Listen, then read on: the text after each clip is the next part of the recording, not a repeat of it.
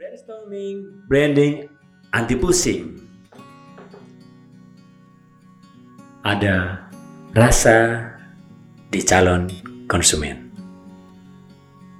Ya, kita tahu saat ini kita sedang berada di war zone. Berada di medan perang. Sangat dirasakan oleh semua brand lokal yang ada di Nusantara. Bahkan dunia ya. Kita tahu pandemi ini dialami kita semua. Lalu apa yang harus kita lakukan? Brand lokal harus terus bergerak.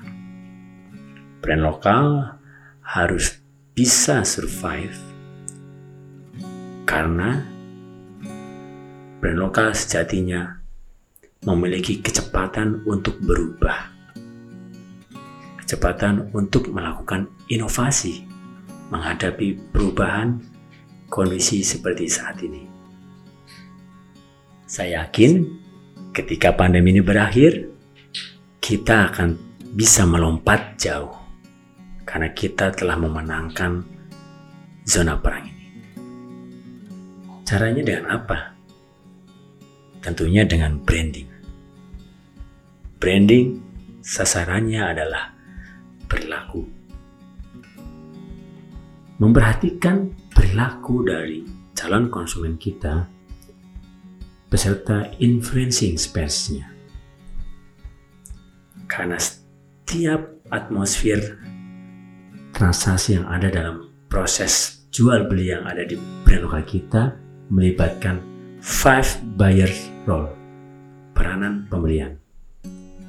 The users, the influencers, buyers, deciders, and gatekeepers.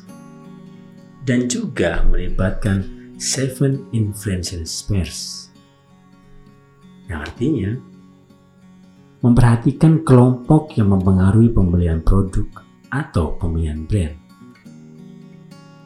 Bisnis, government, media, art, dan entertainment, education, family, religion. Karena sasaran brand adalah perilaku.